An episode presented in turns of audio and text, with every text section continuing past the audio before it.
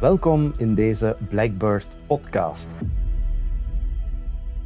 Ik ben Andy Komans en tijdens deze podcast ga ik telkens in gesprek met een ondernemer over zijn toekomststrategie. En deze keer ga ik dat zeer actueel doen met niemand minder dan Wouter Torfs. Welkom Wouter in onze studio. Dank u Andy. Wel, super dat je eventjes tijd wilde vrijmaken om hier te zijn, want uh, ja, zoals ik het al zei, zeer actueel. Uh, vorige week ben ik de naam Wouter Torfs op heel wat plaatsen tegengekomen. Um, dus het, het, sluit ook perfect aan, denk ik, op het topic waar dat wij het vandaag over willen hebben. Maar laat mij beginnen bij het begin. Uh, voor de mensen die jou nog niet kennen, um, kan je eens even bondig vertellen, wie is Wouter Torfs? Ja, ik ben uh, sinds 1989 de CEO van Schoenentorfs. Schoenentorfs is een Vlaamse KMO, familiebedrijf, derde generatie. Schoen, schoenenretailer. We hebben een 76 winkels in Vlaanderen, twee in Wallonië. Een grote webshop, 20% van de omzet. En uh, ja, dit weekend is bekendgemaakt dat mijn, mijn nichtje, Lise Konings, die al tien jaar marketingmanager is bij Torfs, mij zal opvolgen als CEO vanaf januari. Oké, okay, spannende tijden. Ja, om meer dan één tijden. reden, maar... Zeker. Absoluut. En ja, Wouter, want jij, jij hebt al bijna je volledige carrière, denk ik, uh, heb jij professioneel aan het roer gestaan, of op zijn minst ja. toch binnen het bedrijf, ja. binnen het familiebedrijf gestaan. Uh, hoe is dat bij jou ooit begonnen? Hoe bent jij erin gerold? Wel, dat was van in de tijd toen de dieren nog spraken, aan die uh, 1986. Ik was op dat moment advocaat. Uh, en de vorige generatie dacht aan, aan, aan stoppen of het roer doorgeven. En ze zegden mij van, kijk, ja, als jij het niet doet, dan moeten we een externe kandidaat zoeken. En mijn grootmoeder heeft daar toen ook een belangrijke rol in gespeeld. Zij was toen ja, eind de tachtig en ze liet heel duidelijk verstaan dat, dat ze graag had gehad dat ik het zou doen. En toen ben ik er dus ingestapt. Een bedrijf, klassiek, Vlaams, KMO, een 20, 25-tal kleine stadswinkels, omzet 9 miljoen. Ja, ja, vandaag 150 miljoen. Dus een heel ander bedrijf. Dat was de tijd van vrijdag namiddag met de, met de auto marchandise, zoals we dat noemden, uitvoeren. Zaterdag in de winkel meewerken. Als druk was ook mee in, het magazijn staan. Dus, dus ja, andere tijd, maar wel een mooie tijd. Ja, en toen waart jij buiten uw ouders dan, waart je toen de enige van de familie die al in de zaak stond? Of? Nee, er, was nog, er waren nog twee nichten, ja? uh, ook in, in het bedrijf aan het werk, maar beide uh, als verkoopster ja. uh, in, in een winkel. En een van die twee nichten, Carla, is toen, is toen na een paar jaar bij ons op, op de aankoop komen werken. Is dan verantwoordelijk voor aankoop dameskleding, damesschoenen geworden. ja, maar het bedrijf was wel in handen van een vier familietakken. Ja, okay. Dat is altijd zo geweest. Dat is ook vandaag nog het geval zo. Ja, oké. Okay. Dus op dit moment, hè, als je kijkt naar Schoenen Torfs, dat is natuurlijk vandaag een veel groter bedrijf. Ja. Um, maar in tegenstelling tot wat sommige mensen dan misschien denken, Wouter, jij bent niet de enige aandeelhouder van nee. Schoenen Torfs vandaag. Goed dat je dat vraagt, uh, Andy. Ik ben één van de dertien aandeelhouders. Okay. Dus vier familietakken en dertien neven en nichten. Uh, de ene tak wat meer dan in de andere tak. Beetje zoals bij de familie Kolruit, het, het, het, het ja. aandeelhouderschap ook verspreid is. Ja. Dus dat is een keuze die wij gemaakt hebben of niet gemaakt hebben. Dat is wat, wat men zegt van op een bepaald moment is het goed om te snoeien, om mensen uit te kopen. Wij hebben dat eigenlijk nooit gedaan. We zijn er met z'n, met z'n allen ingebleven. Um, dat heeft zijn voor- en zijn nadelen. Maar je moet wel goede afspraken maken. Ja, 13 aandeelhouders. Ja. Um, zijn die ook allemaal actief betrokken in het bedrijf? Of zijn er ook een aantal echt passieve aandeelhouders nee, bij? Ik ben eigenlijk van de vorige generatie, dus de derde generatie, ben ik op dit moment de enige actieve aandeelhouder. Ja. Mijn nicht Barbara Torfs, die je misschien kent, is vandaag directeur Bond zonder naam, is een jaar of vijf geleden gestopt. En Carla van Ossager, die ik er net vermeldde, is een jaar of zeven, acht geleden gestopt. Okay. Maar zijn allemaal wel in het, eh, als aandeelhouder gebleven. Ja, en vanaf het moment dat ze stel dat ze aandeelhouder zijn, want dan kan je, oké, kan je zeggen, ik ga een operationele rol opnemen. Uh, maar dan moet je dan nog altijd wel gaan combineren tussen enerzijds, ik neem een rol op in het management, of anderzijds, ik neem een rol op op de vloer. En ik kan me voorstellen, vooral die laatste, dat dat misschien niet zo evident is vandaag in zo'n groot bedrijf. Nee, dat bedoel ik dus dat het superbelangrijk is om daar heel heldere afspraken over te maken. Dus wij hebben een familiecharter, Ja. Al een- we hebben al een tweede versie. Volgend jaar gaan we werken aan een derde versie. En daarin is heel nauwkeurig bepaald eh, op welke manier dat je eh, carrière kan maken of kan komen werken in het familiebedrijf. En het is echt niet zo dat ik kan zeggen dat ik zoon of dochter op een mooi postje parkeer en, en met, een mooie, met een mooie wagen en een dik salaris. Nee, wij hebben binnen de Raad van Bestuur een, een renumeratie- en en- en- een wervingscomité, Ja. dat dus echt belast is met HR-familieaangelegenheden. En dus een van onze basisprincipes is geen jobcreatie en the right person on the right place. Ja. Dus bijvoorbeeld in het geval van Lise, zij is nu eh, CEO geworden, dat is, maar er is een heel transitieperiode van drie, vier jaar overgegaan. Ja. Zij heeft eh, in die periode ook assessments afgelegd, Ja. waarin dat ze haar bekwaamheid heeft, be- heeft bewezen. Dus dat is volledig gedragen door de familie en de raad van bestuur. Dus dat is absoluut iets wat dat superbelangrijk is, zeker in een familiebedrijf. Als je wat groter wordt, zie dat je goede afspraken maakt, want dat kan een bron van conflict zijn natuurlijk als daar Ja. niks over geregeld is. Ja, ik denk dat je op een bepaalde moment een stukje het over je hart moet kunnen krijgen om erover te denken als het bedrijf in plaats van ons bedrijf. Hè? Want dan wordt het allemaal heel emotioneel en heel persoonlijk. Ja, Terwijl dat het denk ik ook net voor, hè, Lise bijvoorbeeld heel, heel mooi is om nu vandaag te kunnen zeggen, kijk, ik heb het gehaald, ik neem dat mandaat op mij, ja, maar ik heb dezelfde weg moeten bewandelen als iemand extern had moeten doen. En Zo- ik heb het ook wel moeten halen op die manier. zo is het helemaal. Ja.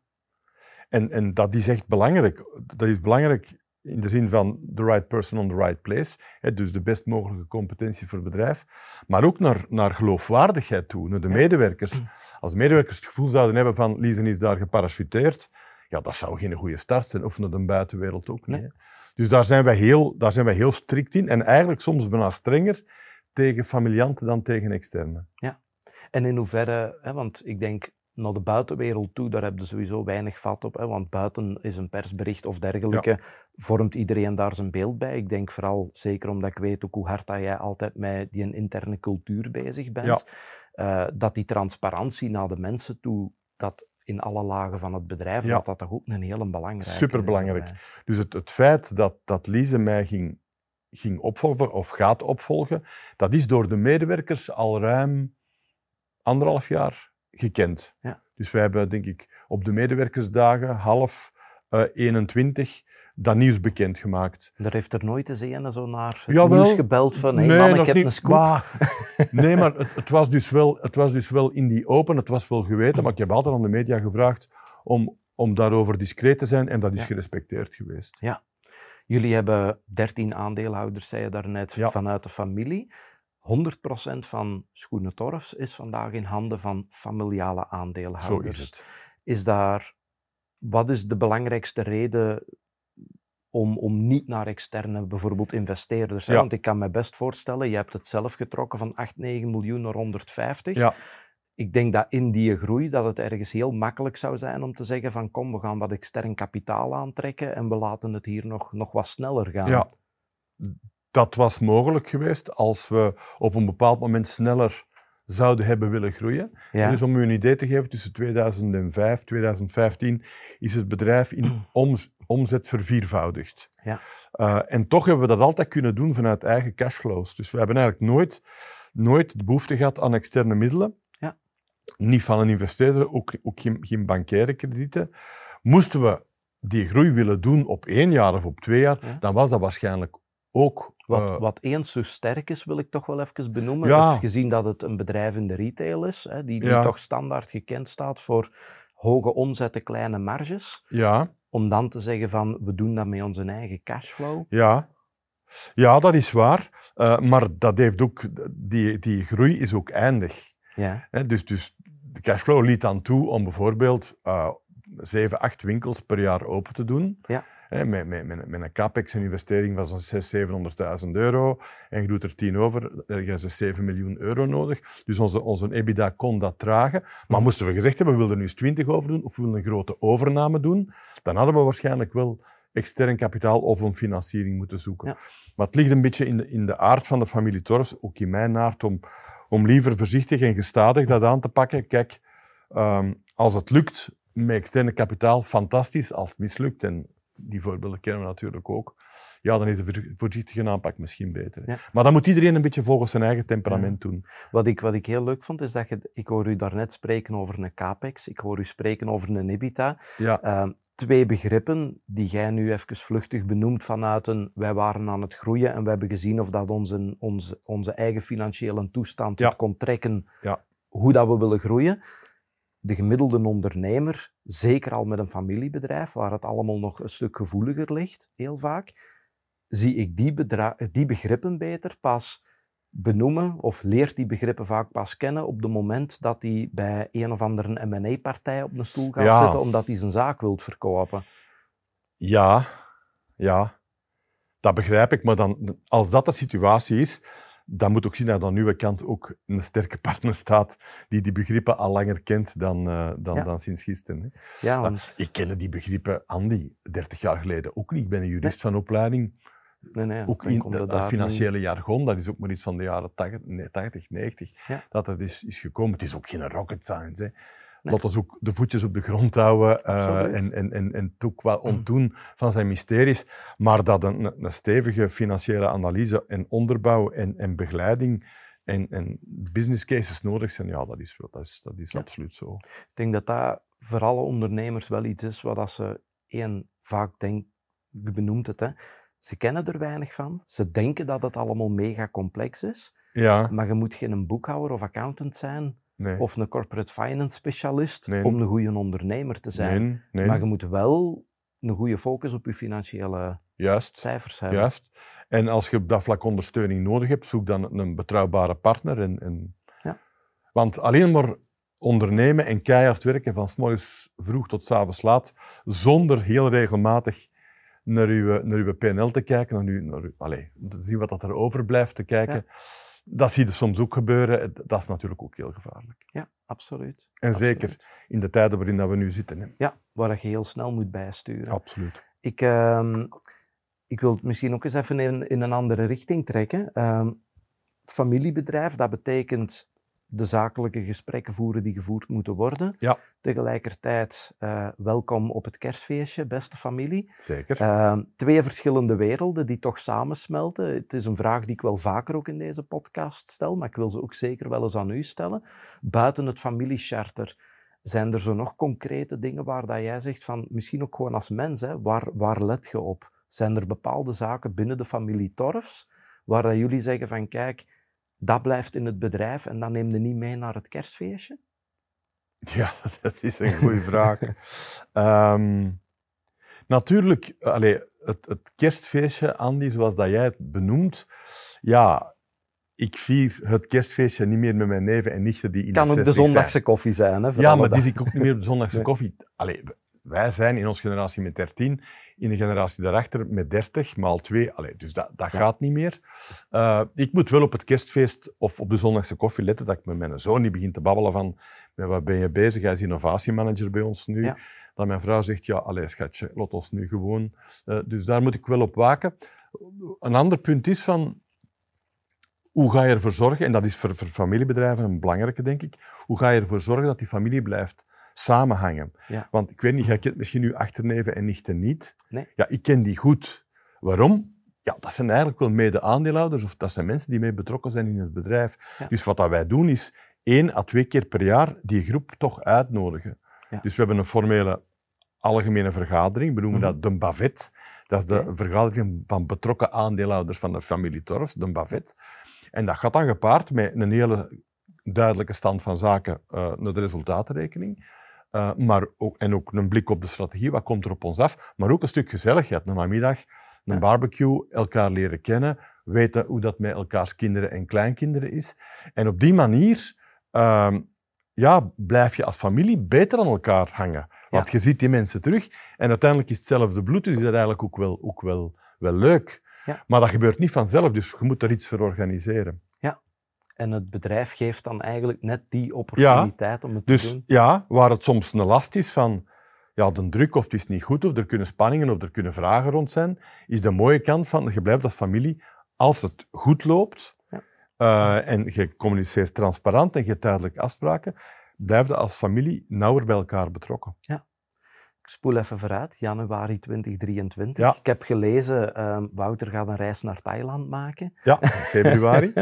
Maar ehm, ja, wat met Wouter Torfs na januari? Want uw leven gaat Oh. er dan toch ook wel wat anders Een uit. beetje anders uitzien, ja. Ja, dan laat ik mijn operationele verantwoordelijkheid bij Torres los.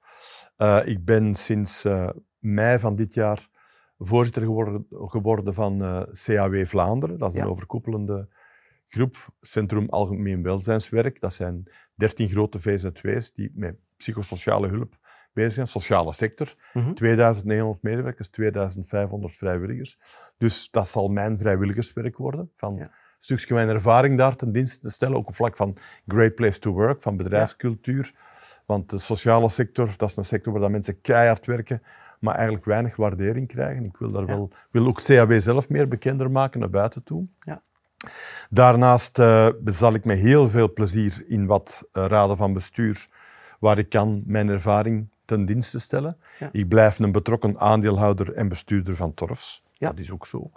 En eh, ja, ook qua opa en oma zijn, de, de kleinkindjes wat meer zien en regelmatig met de camper erop uittrekken. Dus ik heb er eigenlijk alle vertrouwen in. Mijn vrouw is als de dood dat ik mijn agenda terug vol plan. Ik wou juist zeggen, je Ja. gaat de ziekte van elke ja, van elke gepensioneerde van keer minder tijd dan vroeger. dat wil ik niet geweten hebben. Eh, maar ja, heel eerlijk, ik ben daar erg mee bezig, omdat ik ook wat schrik heb van die leegte. Van Ja, zo te moeten maandagmorgen zeggen, ja, wat ga ik niet doen? Ga ik in, ga ik in de tuin de bladeren doen of, of, of eh, ja. gebeurt er iets anders vandaag? Ja. Dus het is, ja, dat is een volgende fase in je leven. Hè. En ik denk dat het niet slecht is en dat dat voor iedereen geldt om daar heel bewust mee bezig te zijn. Ik zeg daar wel eens een keer van, een, een vliegtuig zet je niet veilig aan de grond door van 900 naar 0 te schakelen. Wel, mooi want beeld. dan krijg je vooral een verticale Mooi beeld. afdaling met heel veel brokken op mooi het einde beeld. van de rit. En, ja, mooi beeld. En ik heb daar schrik nu niet, maar ik, ik, ik houd daar wel rekening mee. Ja, Je ziet dat toch gebeuren bij mensen die zo ineens stoppen en, en dan, ja, dan... Maar hoe lang zijn ze al bezig met die inkleuring te geven? Want ik denk ook, ja, de media schrijft nu vandaag, ja, vanaf die een datum, Ja. Wouter Torfs geen CEO meer. Ik hoor u al in de vlucht vertellen, Lise is al, al, al jaren Ja. bezig met dat traject. Ja. Zie ik het dan fout als ik vandaag zeg dat ondertussen die transitie achter de schermen eigenlijk al voor een groot stuk gebeurd is misschien? Absoluut. Dat Lise al dingen... Absoluut. Absoluut. Die, die transitie is drie, vier jaar bezig. En het laatste jaar doen wij dingen samen. Zullen wij alle grote beslissingen, niet alleen wij twee samen, maar met een managementteam samen nemen. En het laatste half jaar heb ik gezegd, Lise, nu leid jij de managementmeeting, jij maakt een agenda. En jij komt met een visie als op, een, op een overname of een nieuwe winkel. Ik ga, ik ga in, de, in, de, in de passagiersstoel zitten. Ik zal kijken en ik zal feedback geven. Maar dus dat is, dat is een heel geleidelijk proces. Ja. En dat is in haar belang, maar ook in het mijne. Absoluut. Ja, maar ik denk ook dat daar een, een veelgemaakte fout ligt. Hè, is dat men schakelt op de moment en nu moet ik er vanaf, Ja. of nu moet ik het loslaten. En dan zit men automatisch in een verhaal van, hè, bij, bij niet-familiale KMO's is dat dan dikwijls, ze doen hun voorbereiding op voorhand niet, ze verkopen hun bedrijf, dan zitten ze met een earn-out nog drie tot vijf jaar vast. Terwijl ik u gezegd, als je op voorhand je huiswerk maakt en je begint al aan die transitie, niet alleen ga je dan niet met die lastige earn-out of ga je nog mee een, in uw geval dan een heel groot engagement moeten zitten omdat de zaken niet rond zijn. Juist. Ik denk dat dat ook veel doet voor uw gemoedsrust Absoluut. die je hebt. Ja, dus één groot pleidooi. Begint er op tijd aan. Eh, plan dat toch voor een stuk. Ja. Eh, niet alles is te plannen. Nee. Maar de goede wil om samen te werken en transparant te communiceren, zowel het goede als het moeilijkere, dat is, dat is een basis. En durf dan alles op tafel leggen. En, en daar prijs ik mij super gelukkig mee dat ik dat met Lise zo heb kunnen doen. Hoe lang geleden bent jij zelf beginnen uw eerste ideeën vormen, Wouter, van Ja. op die manier wil ik het ooit loslaten? Ja, een jaar of vijf, zes geleden. Ah, nu komt dat terug. Was ik, ik zit ook in, in, een, in, een, in een club van ondernemers, de CEO Council, met, met, met, met vijf eh, eh, ja, eh, CEO's van, van redelijk grote KMO's. Enfin, Vlaamse bedrijven, Frans Corruit, is, dat, dat is geen KMO. En, en Joost Kallas van Durabrek, de Matti, Matti Gijbels van Gijbels, Toon Bosuit. Ehm, En het waren mijn vrienden die toen zeiden van, maar al eens stilgestaan bij je opvolging? Want jij doet precies, en ik was toen nog geen 60, 59, jij doet precies dat, alsof dat je nog tien jaar gaat doordoen. En we denken toch dat dat belangrijk is dat je er eens over nadenkt. En dat is toen echt wel binnengekomen, die boodschap. Dus het is wel van hen gekomen. Ik dacht van, shit ja, ik, ik moet daar echt wel over, ik moet daar echt over nadenken. Ja. En niet een jaar voor het stoppen. Dus pak die een tijd, vier, vijf jaar voordien. Ik heb dat bij de raad van bestuur neergelegd, van kijk, dat is mijn timing. 65 wil ik, dat lijkt me voor het bedrijf heel gezond, Ja. wil, ik, wil ik er operationeel uitstappen. Eh, voilà, en nu is dat proces op gang gekomen. Ja. En heel snel kwam die figuur van Lise, die toen ook al vijf jaar bij ons bezig was, pas marketingmanager was, dat heel goed deed, die kwam eigenlijk naar voren. Ja, oké. En ja, ik denk als je in KMO Vlaanderen gaat kijken, KMO-landschap Vlaanderen gaat kijken, naar welke bedrijven dat een, een, een duidelijk zichtbare leider hebben, ja, dan Ja. kom je niet ver vooraleer dat je Wouter hebt die het Ja. gezicht is van Schoenen Torfs. Ehm, in hoeverre heeft dat u bezig gehouden dat je toch ja, wat met Schoenen Torfs na Wouter? Hè? Want je bent wel een hele zichtbare ambassadeur. Ja. Ehm, die ook een bepaalde gunfactor heeft, want anders hè, zouden ook niet op die manier in de aandacht gekomen zijn. Ja. Maar dan moet je dat wel loslaten en. Wordt er een ander gezicht op dat bedrijf geplakt. Ja, helemaal juist. helemaal juist, Andy. Eh, en ik weet niet, en ze weet het zelf ook niet, in, op welke manier Lise dat, dat, dat zal invullen. Mhm. Ehm, ik weet wel dat het daar een eerste focus is om intern heel aanwezig te zijn, wat aan mij heel verstandig lijkt te zijn. Ja. Je moet niet beginnen met naar buiten als je intern eerst nog eh, geloofwaardigheid moet opbouwen. Dus dat zal haar focus zijn. Maar iets in mij zegt mij dat ze, ja, het is een, een jonge, sprankelende vrouw, eh, een jonge mama plus mama. Eh, ze is ook extravert, ze is, ze is heel, heel warm. Ze zal wel opgepikt worden als ik zie de, de, de weekendpers van, van, van deze week en dan op, op, op één en zo. Maar goed, allee, dat zal de tijd uitwijzen. En ik heet Wouter Torfs en zij heet Lise Konings. Dat is ook een, dat is ook een given. Dus ja, tijd zal raad brengen, maar, maar allee, het bedrijf verandert niet. Hè. Nee. Het- er is een personeelswissel, maar de waarde en de missie van het bedrijf blijft onveranderd. Ja, ja wat, wat vaak denk ik voor de buitenwereld dan weer net iets moeilijker te begrijpen Ja. is, hè, omdat zij heel snel die, die verpersoonlijking gaan leggen tussen een bedrijf en, en de eigenaar van dat bedrijf, Ja. of in dit geval de zichtbare eigenaar van dat bedrijf. Dat is zo. Dus ehm, nu, Lise heeft, heeft haar rol natuurlijk ook gaandeweg moeten ontwikkelen. Ehm, wordt zij daar dan ook buiten uw begeleiding, Wouter, nog in bijgestaan? Of, hè, want CEO worden in een bedrijf van 8 miljoen lijkt mij dan nog, ik ga niet zeggen makkelijker, die Nee, brug, nee. want dat zou geen eerbied doen ten Nee. opzichte van de stap die jij hebt gedaan, maar Ja, iets en ook men- bevattelijker, denk Mensen ik die misschien. een bedrijf van 8 miljoen leiden Ja. en er met, met, met hun botten tot aan hun knieën in staan, heel veel respect Voilà. voor. Hè. Dus, eh, Maar bevattelijker wel, denk ik, om daarin te stappen dan in een bedrijf dat vandaag die Ja. schaal heeft. ja, dat is waar. Maar ze is, ze is al tien jaar bij ons. Hè. Ja. Ze is op haar 25e in de winkels begonnen. Ehm, laat ze zich buiten, buiten mij nog begeleiden. Ze is ook in de CEO Council gestapt. Dus dat is, Ja. dat is toch een model waar ik erg in geloof. Mhm. Van Organizations of the Future. Waar dat we proberen councils te organiseren. Waar dat we ondernemers of CEO's samenbrengen. Groepen van maximum acht man, acht vrouwen. Waarin dat je eigenlijk echt terecht kan met al je vragen. En waar dat je eigenlijk feedback vraagt van, van peers, van je collega's. Ja. In het idee dat, dat, dat we eigenlijk als ondernemers, zoals we- nu ook aan het doen zijn, heel veel van elkaar kunnen leren. Dat het niet altijd van consultancy moet, moet komen, maar gewoon authentieke ervaringsuitwisseling. Iemand die echt zijn mening geeft en niet probeert naar uw mond te praten. Dat is super waardevol, dus dat zal ze wel doen. Absoluut. Ehm, jij gaat jouw takenpakket afbouwen, of je bent er nu al mee bezig. Ja.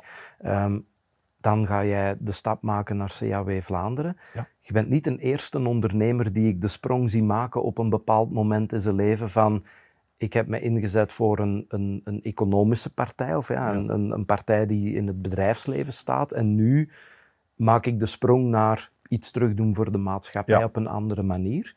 Ehm, van waar is dat bij u gekomen, dat je Ja, die klik maakt? ehm, ja de vraag is van CAW gekomen. Wat ik wel wat, wat mij wel raakte, want dat, is, dat getuigt van een grote openheid. Er is vaak nog zo'n zo'n wederzijdse vooringenomenheid. De profit is zo en de non-profit is zo. En, en, en het water tussen, tussen beiden is heel erg diep. Dus ik vond het wel mooi dat zij zegde van kijk, van sociaal werk kende jij niks, maar, maar je bent wel een ondernemer met, met, waarden, dat hebben we bewezen. Torfs staat voor bepaalde waarden, voor een bepaalde missie, voor maatschappelijk verantwoord ondernemen, voor betrokkenheid. Dus wij denken wel dat we kunnen praten met elkaar en dat we van elkaar kunnen leren. En het was eigenlijk die, die uitnodiging die mij wel triggerde om, om erop in te gaan. Nu ben ik enkele maanden bezig en het is inderdaad wel een wereld van verschil. Ja. Cultuur van toch meer vergaderen, meer notas, meer uh, dure woorden, vele afkortingen, overheidsinmenging, uh, politieke beïnvloeding. Dus ja, uh, het is wel soms even slikken. Maar goed, ik ga er met mijn, met mijn jeugdig enthousiasme en vanuit mijn authenticiteit ingaan en we zien wel waar dat we komen. Hoeveel tijd per week zijn er nu gemiddeld nog bezig ja, met op dit moment, en met CA? Ja, ja goede vraag. Nee, op dit moment is het, is het, is het, is het 70, 75 procent torfs, zeker. Ja. En 10, 15 procent CAW en dan ja, dingen voor en na, uh, die ja. zijn er ook nog. Ja. Oké. En wat de toekomst zal brengen, ik wil overal uh, meelopen, in leefdagen doen. Ik heb al ja. in het Takloze Centrum in Mechelen meegedraaid. Uh, dat is zo'n wereld die dan open gaat. In het JAK, in het jeugd, jeugdcentrum, waar dan jonge meisjes binnenkomen met een problematiek. Dat is zo'n wereld die open gaat. Dus ja, ik zal zien. Ik stap erin zoals alles in Wonderland. Je zei ook van ja, ik blijf actief aandeelhouder bij ja. Torfs. Wat houdt dat dan concreet in? Oh, dat houdt voor mij in dat ik uh, hoop het contact met Lise dicht te houden. Dat ik vandaag de intentie heb om regelmatig een Torfswinkel binnen te stappen ja. en met mijn familie te babbelen, want ik beschouw die medewerkers ja, na 30 jaar echt als familie. Mm -hmm. uh, mij niet te moeien als een schoonvader, uh, maar misschien wel als ik dingen te zeggen die op één op één aan Lise zeggen. En dat ja. it. En dan is het voor haar om er mee te doen wat ze wilt. Deelnemen aan de raden van bestuur. Um, voilà. En, en het bedrijf waar het kan, met raad en daad en steun in de publieke opinie bijstaan. Hè. Ja. Want hoe vaak houden jullie een, een, raad van bestuur gemiddeld? Vier keer per jaar. Vier een, keer? Een ja. halve dag. Oké. Okay. Vier familiale bestuurders, vier externe bestuurders. Wat ik ook heel belangrijk vind, dat je, ja. die, dat je die hebt, die een blik van buitenaf. Kies die wel in functie van complementariteit. Ja. Zie dat je die mensen aan boord krijgt die dat je nog niet hebt. Mm -hmm. uh, ja, en respecteert die hun mening. Dat is, uh, ja, ja. dat is ook een beetje wat jij nu bij CAW gaat doen. Hè? Ja. Want het is net dat ander perspectief. Exact. Dat u eens een keer uh, kan doen stilstaan bij dingen die anders op automatische piloot gewoon exact. zouden doordraaien. Hè? Uh, Wouter, misschien nog een laatste vraag die ik u wil stellen in dit gesprek. Um, heb jij concrete tips voor andere ondernemers met een familiebedrijf die op een bepaald moment de fakkel moeten doorgeven? Of willen doorgeven? Prachtige vraag. Uh, je overvalt mij wat. Heb ik tips? Ja, ja, ja. Vanuit, vanuit mijn ervaring dan. Begin er op tijd aan. Ja. Um, gun jezelf en je overnemer de tijd om het te laten rijpen. Want het is echt wel... Oké, okay, het, is een, het is een zaak van operationele afspraken maken. Maar het is vooral ook een psychologisch proces van loslaten ja. en overdragen en een stap terug doen van uw baby of iets waar je heel je leven hebt aan gegeven. Ja. Uh, dus doe dat niet overnight of zeg niet van morgen en dan deur dicht en ik doe een grote reis. In. Ja, nee, allee, de, dat zou voor mij niet werken. Je moet volledig beginnen loskoppelen ja. op die moment van hoe de zaken moeten gebeuren versus ja. hoe dat ik wil dat de zaken ja, gebeuren. Want... Ook, ook. Dat zie ik nu ook al gebeuren. Ik vind, ja, ik zou dat precies anders gedaan hebben, maar kijk, ja, ze doet het zo. En, en dus, zelfs is als het. Niet, ja, en zelfs als het niet is. Hè. En ook als Want het dan niet is dat ook weer die leerschool Ook als het niet is. is. Ja. Ja, ik heb het nog meegemaakt. Men neemt een beslissing en ik zeg, ik zou het niet doen. Een overname. Ja. Ik zou het niet doen. Maar kijk, jullie, doen, jullie zijn, staan er unaniem achter. Ik zet mij er loyaal achter. En ik zal de beslissing uitvoeren. Ik zal de onderhandeling gaan doen en voilà. Dat is niet gemakkelijk. Nee. Dat is niet gemakkelijk. Maar dat hoort er wel bij. Dus pak er een tijd voor. Um, geen taboes. Nee. Alles bespreken. Uh, drie, ja, denk toch nu al na over uw leven na uw bedrijf. Ja. Probeer toch eens samen met uw partner of alleen na te denken hoe zal mijn slash ons leven eruit zien als, als ik s morgens niet moet vertrekken naar, naar bureau. Ja. Ook een belangrijke. Ehm, ja, ik denk voor mij, blijf op een manier professioneel actief. Ja. Ik kan me niet voorstellen dat ik vanaf 1 januari eh, vier dagen per week gewoon golven. Echt niet. Ik denk ook niet dat een ondernemende mens daarvoor Ja, maar je ziet sommige mensen dat wel doen, hè. Zijn, maar, Ja, voilà. En misschien binnen tien jaar wel, hè. Ja. Andy, dus ik veroordeel dat ook niet, hè. ja, maar ik weet dat niet. Hoe, hoe oud zijde jij tussen je eigen twee oren vandaag? Ja, Geen 65 waarschijnlijk. hè? nee, nee. Maar ook geen 25 niet meer, ook niet. Nee, maar... En mijn lijf is ook geen 25 niet meer. Maar ook geen 65, dus... dus Nee. Maar dat geldt voor elke mens. Allee, dat is Absoluut. super. En laatste misschien, kijk naar de nieuwe cadeaus van het leven. Hè. Alleen voor mij zijn dat ook kleinkinderen. Ja. Als je die cadeau hebt, ja, je kunt misschien hier en daar iets goed maken wat je met je eigen kinderen te weinig hebt gedaan. Absoluut. Dus ja, ik- ik kijk er nu wel hoopvol, hoopvol naar uit. Weten dat er misschien ook wel eens moeilijke momenten zijn dat ik ja, ga denken van verdik, ik tel niet meer mee, ik word niet meer gevraagd. Dat zal misschien ook wel eens gebeuren. Ja, ja uw, uw ritme gaat be compleet it. veranderen. Toch wel wat veranderen. Zeker en vast. Maar hoe verandering van ritme, daar hebben we ondertussen de laatste twee, drie jaar gewoon in alles wat er in, de, in Vlaanderen afspeelt Ja. of in de wereld Daar afspeelt, zijn we toe hebben we al een, goede training gehad. Zeker dus, Wouter, ik Zeker wil ik u enorm bedanken om hier eh, vandaag te zijn en ook de tijd te maken om zo open ook Ja. het verhaal te delen van, eh, van de wissel die zich nu bij Torfs gaat afspelen en ook wat dat jij uiteraard Ja. eh, gaat vastpakken Mhm. in de volgende jaren. Ik ga nog heel snel eventjes van de kijkers en luisteraars afscheid nemen, kom ik zo dadelijk even bij u terug. Dus eh, beste kijkers, beste luisteraars, dit was het alweer voor deze aflevering van de Blackbird Podcast. Eh, ik neem de bocht uit dit gesprek, maar ongetwijfeld is dit ook de start voor uw volgende stap als ondernemer. Dus wil je meer weten over dit topic, blijf mij dan volgen op social media en dan komen wij ongetwijfeld zeer binnenkort nog wel eens met elkaar in contact. Wil jij als ondernemer ook werk maken van jouw toekomststrategie en die van je onderneming? Neem dan deel aan de volgende editie van het Sell Your Baby Seminar. Want dit is een uniek seminar waar jij op vijf dagen de volledige skillset leert van een investeerder-ondernemer. Daardoor ga jij je bedrijf op een andere manier structureren, krijg je een duidelijk beeld van je ondernemersrisico en hoe je dit tijdig in balans kan brengen. Ik zal jou tijdens dit seminar begeleiden, samen met andere experten en gastsprekers, zoals Wouter Torfs. Wil je meer weten? Stuur dan een e-mail naar info@blackbirdevents.be of stuur een privébericht via mijn social media kanalen.